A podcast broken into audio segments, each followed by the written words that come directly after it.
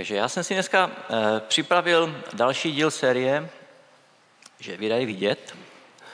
Jestli se nepletu, že takhle se ta série jmenuje, nejsem si úplně jistý.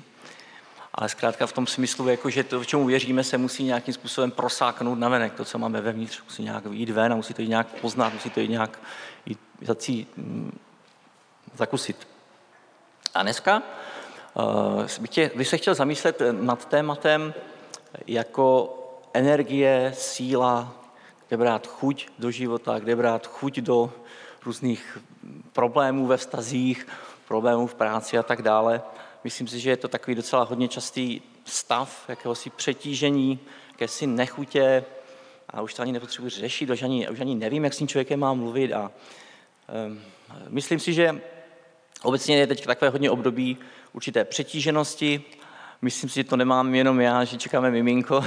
My to máme taky samozřejmě ještě o, o něco zajímavější, řekněme. Ale myslím si, že to je eh, na široké frontě, že to má hodně lidí v dnešní době, že jsou takový znechucení a jako nemají chuť a furt se točí, jsou zaciklení a jako bys, um, žijou v takovém pocitu stagnace a nic se nemění, všechno je stejný a podobně, takové jako řeči k tomu depresivní a podobně. Takže tohle to mě zaujalo, jako ta, to téma energie, jo? jako kde, vzát, kde brát energii.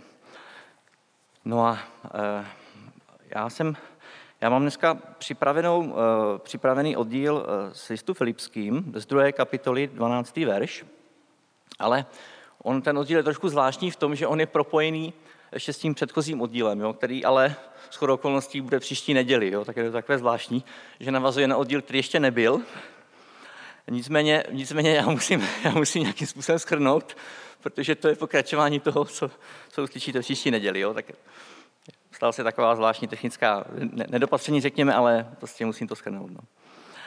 Eh, takže v předchozím, v předchozím oddíle eh, ten předchozí oddíl se eh, zabývá, ten, co tady Pavel popisuje, on vůbec je tady, vede ten sbor filipským, on si ho založil, to jsou, on s ním má velmi, dobré, hluboké vztahy, ty vztahy jsou, já si myslím, nejhlubší možné. Hlubší už asi, myslím, že každý z nás máme různé vztahy s různými lidmi a eh, když si představíte svoje nejhlubší vztahy s těmi nejlepšími přáteli, nebo třeba s rodiči a podobně, úplně neskutečně hluboké a plné lásky, pochopení, porozumění, tak tyhle ty vztahy měl a poštol Pavel eh, tady s těmi filipskými.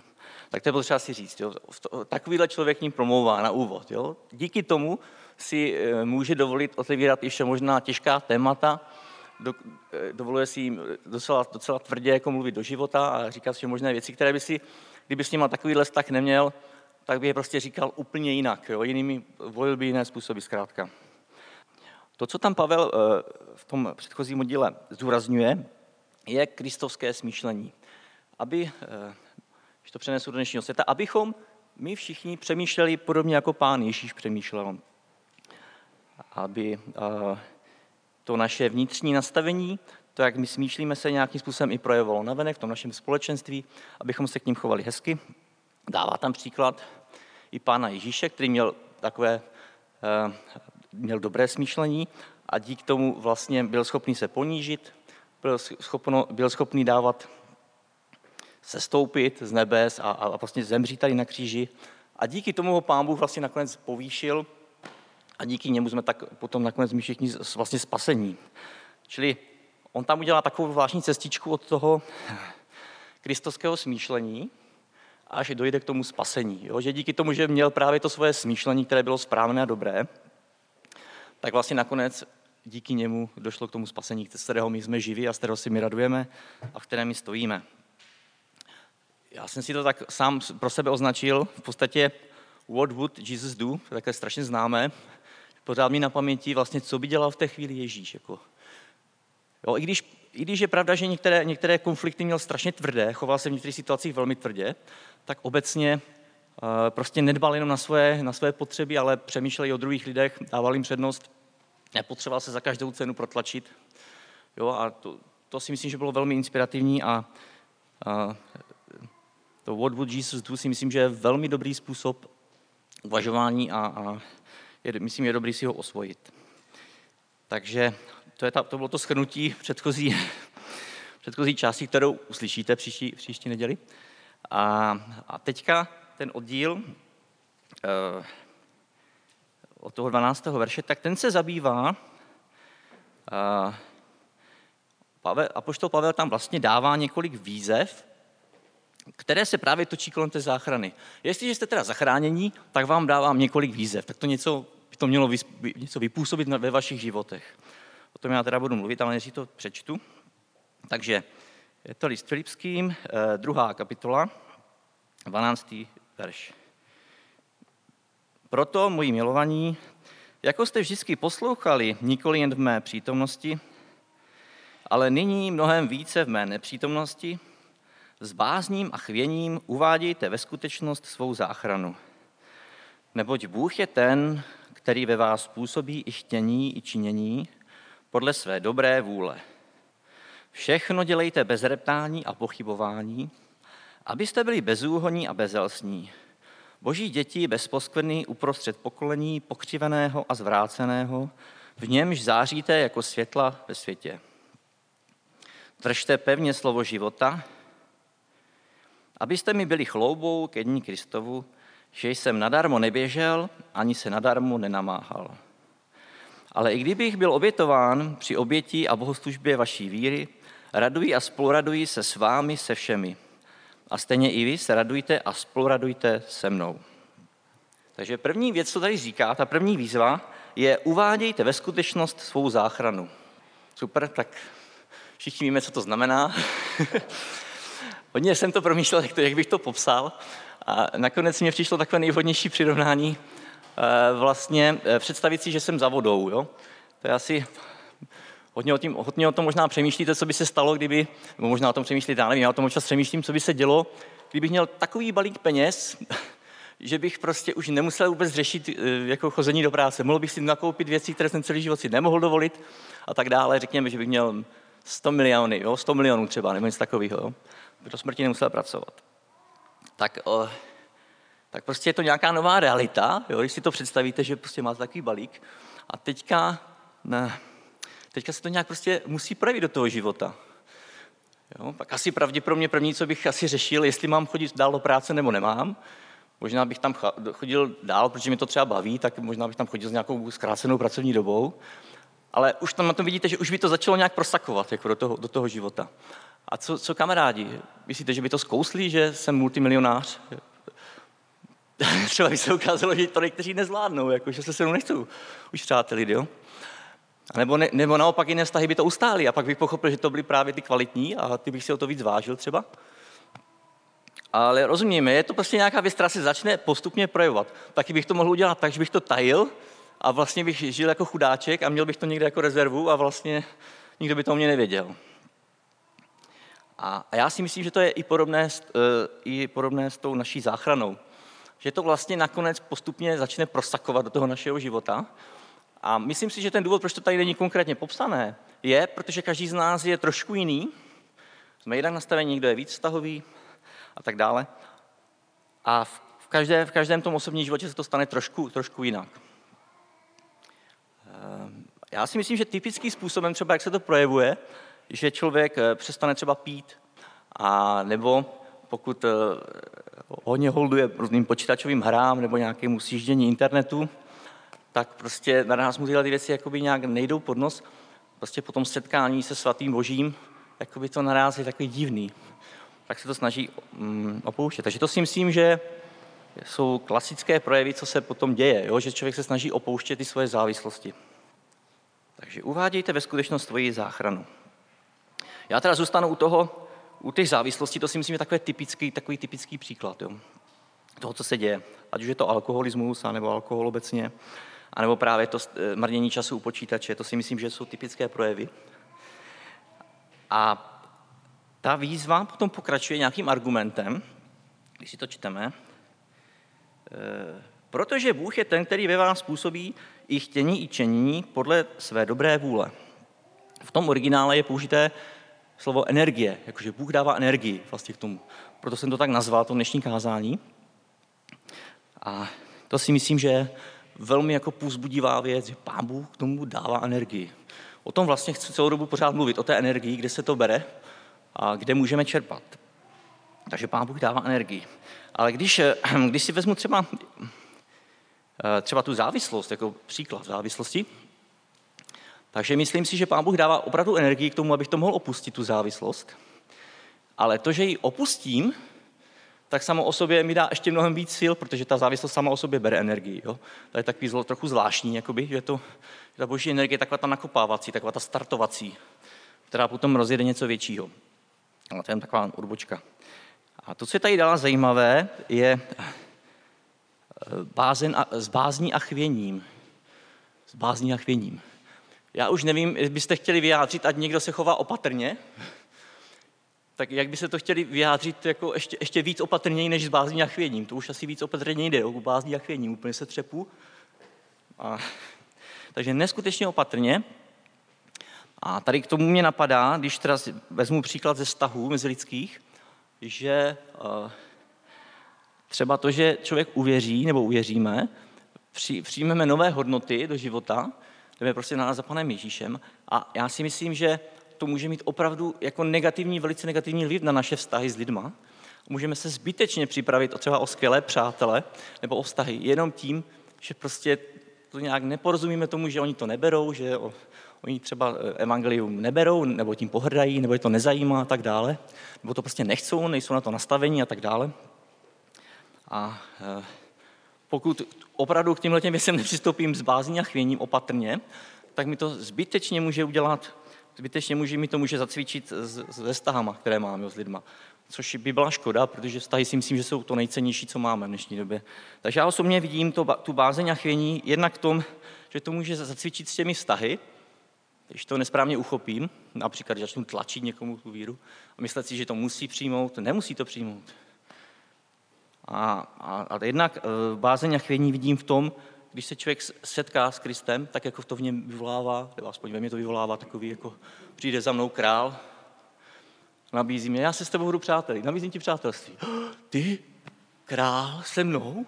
Ty jsi na mě udělal čas a úplně jsou z toho jako hotový, jak to, že král si na mě udělal čas. Tak ta bázeň a chvěně i v tomhle, jakoby, jo, že jsem se setkal s někým takovým mocným a on jako vlastně o mě má zájem. Jo. Takže z bázeň a chvění. Nicméně, to, co bych chtěl potrhnout, že Bůh dává energii. Bůh, zdroj energie. Přesně zvláštní. Tak a teďka další výzva. A to je to, to, je to nešťastné reptání. Zatímco tahle ta výzva, ta první byla taková hodně obecná a každý si to musí přetavit do jeho osobního života, co to konkrétně znamená, tak reptání je tady jmenované naprosto konkrétně. Bez reptání a pochybování. Já jsem si říkal, co to je zase za archaický pojem, reptání a v dnešní době takové věci vůbec neřešíme, jako to takovýhle, s tímhle problém nemáme, jako s reptáním, jo, to je úplná blbost, jo. A ihle zjistil jsem, že kolem sebe mám neskutečné množství reptajících lidí, že sám reptám velmi často, jo. A já si myslím, že že to tady jmenuje z toho důvodu, že to je jedna z nejškodlivějších věcí, která ve společenství může být.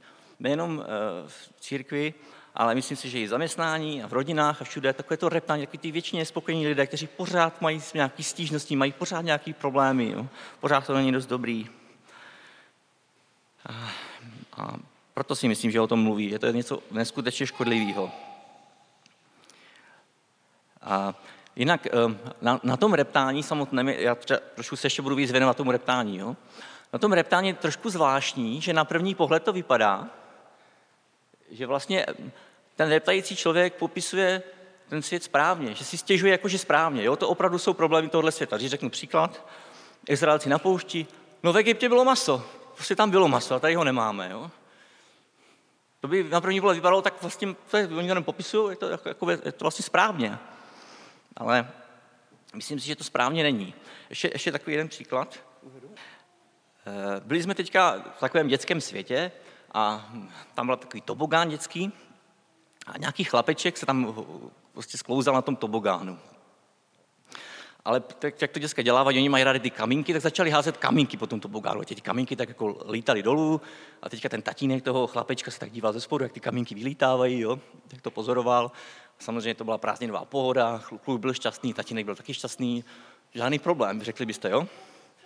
Eh, a teďka já jsem se to tak díval, a taky jsem byl součástí této prázdninové pohody, prostě pohodička. A teď tam přišla taková jedovatá paní a začala říkat, proč to tam dělá, to tam poškrábe, to se úplně zničí, co pak on nemá jako rozum, ten jeho tatínek, když ho nemá ten, ten kluk, tak ho musí mít aspoň ten tatínek. A prostě to tam úplně rozstřílela, jakoby, jo, tu atmosféru.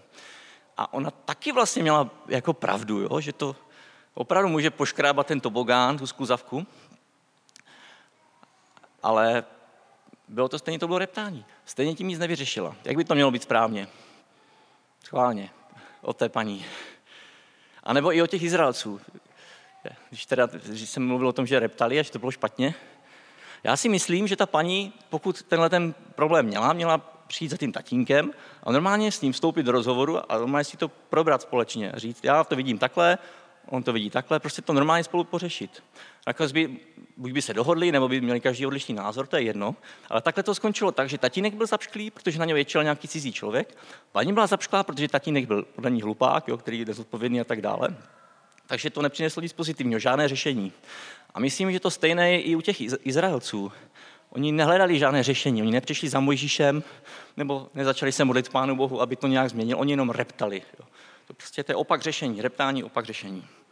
Další věc, co bych tomu reptání ještě řekl, aspoň tak já to vidím na sobě, když jsou třeba naštvaný a tak jako reptám a stěžuji si, jak ten člověk asi to udělal špatně nebo co se mu nepovedlo, tak myslím si, že další problém je v tom, že reptající člověk dobře rozpoznává problémy a chyby kolem něj. Jo? Tomu jde dobře. Ale jenom jako kolem něj.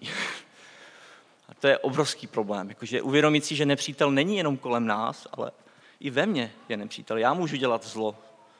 No, takže to je strašně důležité si uvědomit. Jo. Nepřítel není jenom kolem mě, ale i ve mně. Tak když, to, je, to je ta výzva. Ale když potom přečteme ten, uh, ten důvod, proč to podle Apoštola Pavla máme dělat, tak on říká, abyste byli bezúhoní a bezelstní. V tom já vidím takové velice pozitivní takové zaslíbení, že když nebudu reptat, když se budu ovládat, a prostě si na to dávat majzla, tak budu prostě bezúhonný a bezzelstný. Já chci být bezúhonný, bezzelstný, já chci být čistý. A nevím, jestli někdo z vás by chtěl být špinavý, asi ne. To je něco strašně lákavého a zajímavého, být bezúhonný a bezzelstný a to se mi strašně líbí. A další věc, co tam je popsaná, je, že potom mohu být světlem tomuhle světu. Tak jednoduše, stačí přestat reptat. Instantní řešení. Přestanu, přestanu reptat a budu světlem strašně, strašně hezky. Když to úplně přeženu, jako jo, tak si vlastně můžu vybrat, a každý z nás můžeme vybrat, jestli budu reptat, anebo svítit. Až to přeženu. Svítit nebo budu reptat. Tak, to byla druhá výzva. A přestaneme se k třetí výzvě. A v nich Apoštol Pavel říká, eh, držte slovo života. To je takové jako zvláštní konstrukce, slovo života. Pod slovem asi každý z nás, když si, když si čteme Bibli, tak slovo si představíme, nebo já si pod slovem představu evangelium, boží slovo. Vlastně slovo jako něco, co mě vlastně k té spáse přivedlo postupně. Vlastně uvěřil evangeliu té zvěstí, že Kristus mě miluje. A já jsem vlastně postupný, postupnými krůčky přišel až k němu a vlastně jsem spasen díky tomu. Ale držte slovo života. Eh, já, jsem, já vám řeknu jednu věc já jsem jako betonově přesvědčený, že nikomu z nás, jako spasených lidí, nikdo nemůže za žádný okolností vzít spasení. Je to vyloučený, není to možný. Bůh je příliš mocný, prostě to není možný. Ale, tady jedno ale, a to je příběh Ezaua a Jakoba, jako při, pro, pro porovnání, kdy vlastně,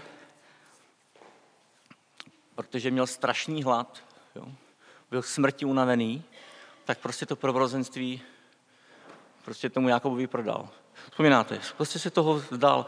Takže já si myslím, že existuje opravdu možnost, že, to, že tím pohrneme a že to zahodíme. Jo, držte slovo, že to života, prostě to slovo nedržíme, ale že ho zahodíme. Podobně jako ten Ezau. A v tom, téhle třetí výzvě je ještě další takový argument, co tam říká apoštol Pavel. A on tam mluví, já to teda přečtu doslova, Držte slovo života, abyste mi byli chloubou ke dní Kristovu, že jsem nadarmo neběžel a ani se nadarmo nenamáhal. On je tady vlastně motivuje tím, držte slovo života, abych se váma mohl chlubit. Tak to si myslím, že je asi jedna z největších, největších motivací, když vám může někdo říct, já tě tak miluju, já se tebou chlubím všude, jo, když kam chodím s kamarádama, když o tobě mluvím, já se tebou chlubím, jo, to je tak strašně jako milé a pozbuzující. Tady jako na tom jde vidět, jak je to skvělé, když, když se podaří jako v církvi mít nějaký hluboký vztahy, jak je v tom obrovský pozbuzení, jo? To, to je něco neuvěřitelného, když se to povede. Takže já teďka přejdu ještě k tomu eh, závěrečnému eh, pozbuzení. To byly ty tři výzvy a teďka přejdu k závěrečnému pozbuzení. A to je, uh, radujte se a společně se radujte. Mě na tom, mě na tom první věc, co mě tak úplně udeřila, udeřila do očí, jsem si říkal, proč tady někdo vyzývá, abych se společně radoval? To je tak jako strašně divný, jako nedává to vlastně smysl. Ale já si myslím, že ten klíč je opět v tom hlubokém vztahu, který oni spolu měli. Protože když si to představím, třeba někdo mi řekne, no jo, já jsem teďka udělal maturituhle, pojď se se mnou společně radovat tak jako budu se s ním radovat, ale jenom když ho budu mít rád, když s ním budu mít, nebo rád, jako, to je takový obecný pojem, a když s ním budu mít ten hlubší vztah, tak se s ním určitě budu společně radovat. Ale když ten vztah nebude tak hluboký, tak ta radost bude úplně jiná. Jo? Takže si myslím, že tady opět potrhávání toho hlubokého vztahu, který s nima a poštol Pavel měl. No a tak abych to teda schrnul, to moje povídání, mým záměrem bylo, abych, abych eh, ukázal a poukázal, potrhl vlastně význam energie v životě, že potřebujeme energii ke všemu možnému chování našemu, kvůli těm různým zápasům, kterými procházíme. Myslím si, že často je to tak, že prostě máme nějaký problém prostě s nějakým člověkem, třeba potřebujeme to vyřešit, ale nemáme na to sílu to vyřešit a tak vlastně to vytěsňujeme, kličkujeme kolem toho, utíkáme od toho, hledáme nějaké úniky, ale prostě ten problém neřešíme, utíkáme od něj. A si myslím, že je chyba. A já bych nás všechny chtěl pozbudit, aby jsme do toho, do toho šli, ale, ale jenom ne bez té síly, jo? Jako, když vzali tu sílu a pak do toho šli. No a prolomili to, protože když to prolomíme, tak můžeme postoupit dál a zase věnovat jiným věcem, že? nemusíme být zabržděni díky tomu. Takže to si myslím, že je dobrá věc. No. Je ještě taková, taková poznámka, co se týče síly. Jo? To, že někdo ujede 100 km na kole, jo, prostě zvedne 200 kg čínku, to ještě vůbec neznamená, že se dokáže poprat se svými dětmi, nebo jako, že dokáže vstoupit do vztahu, nebo do jako konfliktu třeba, nebo si to dokáže vyříkat s rodičema, jo, že se k němu chovají hnusně.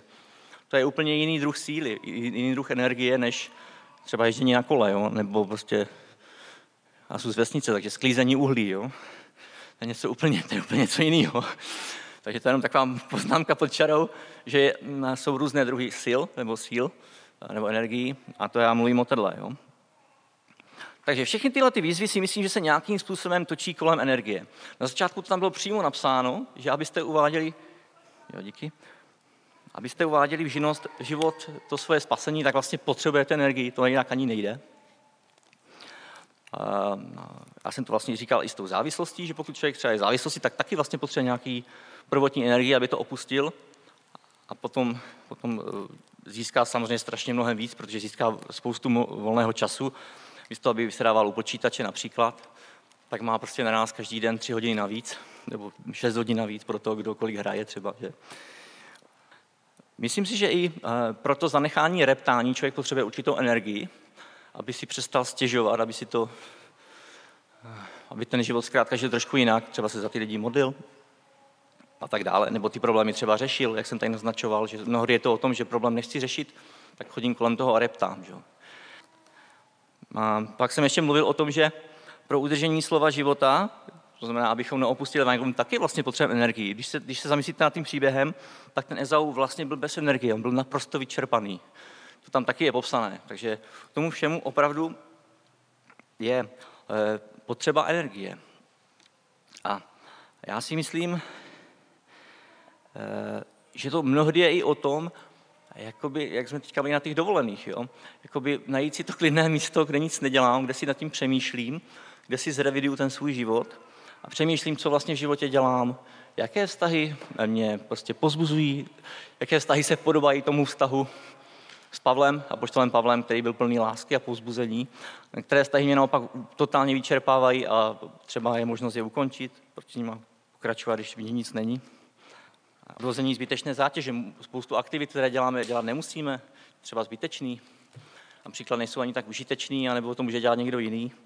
Čili ono to mnohdy, mnohdy ta energie souvisí i s tím, jako, s jakousi revizí a, a s nadhledem nad, nad vlastním životem. Tak já bych e, skončil, e, tady, e, že bych znovu přečetl 13. verš. Neboť Bůh je ten, který ve vás způsobí i chtění, i činění podle své dobré vůle. Amen.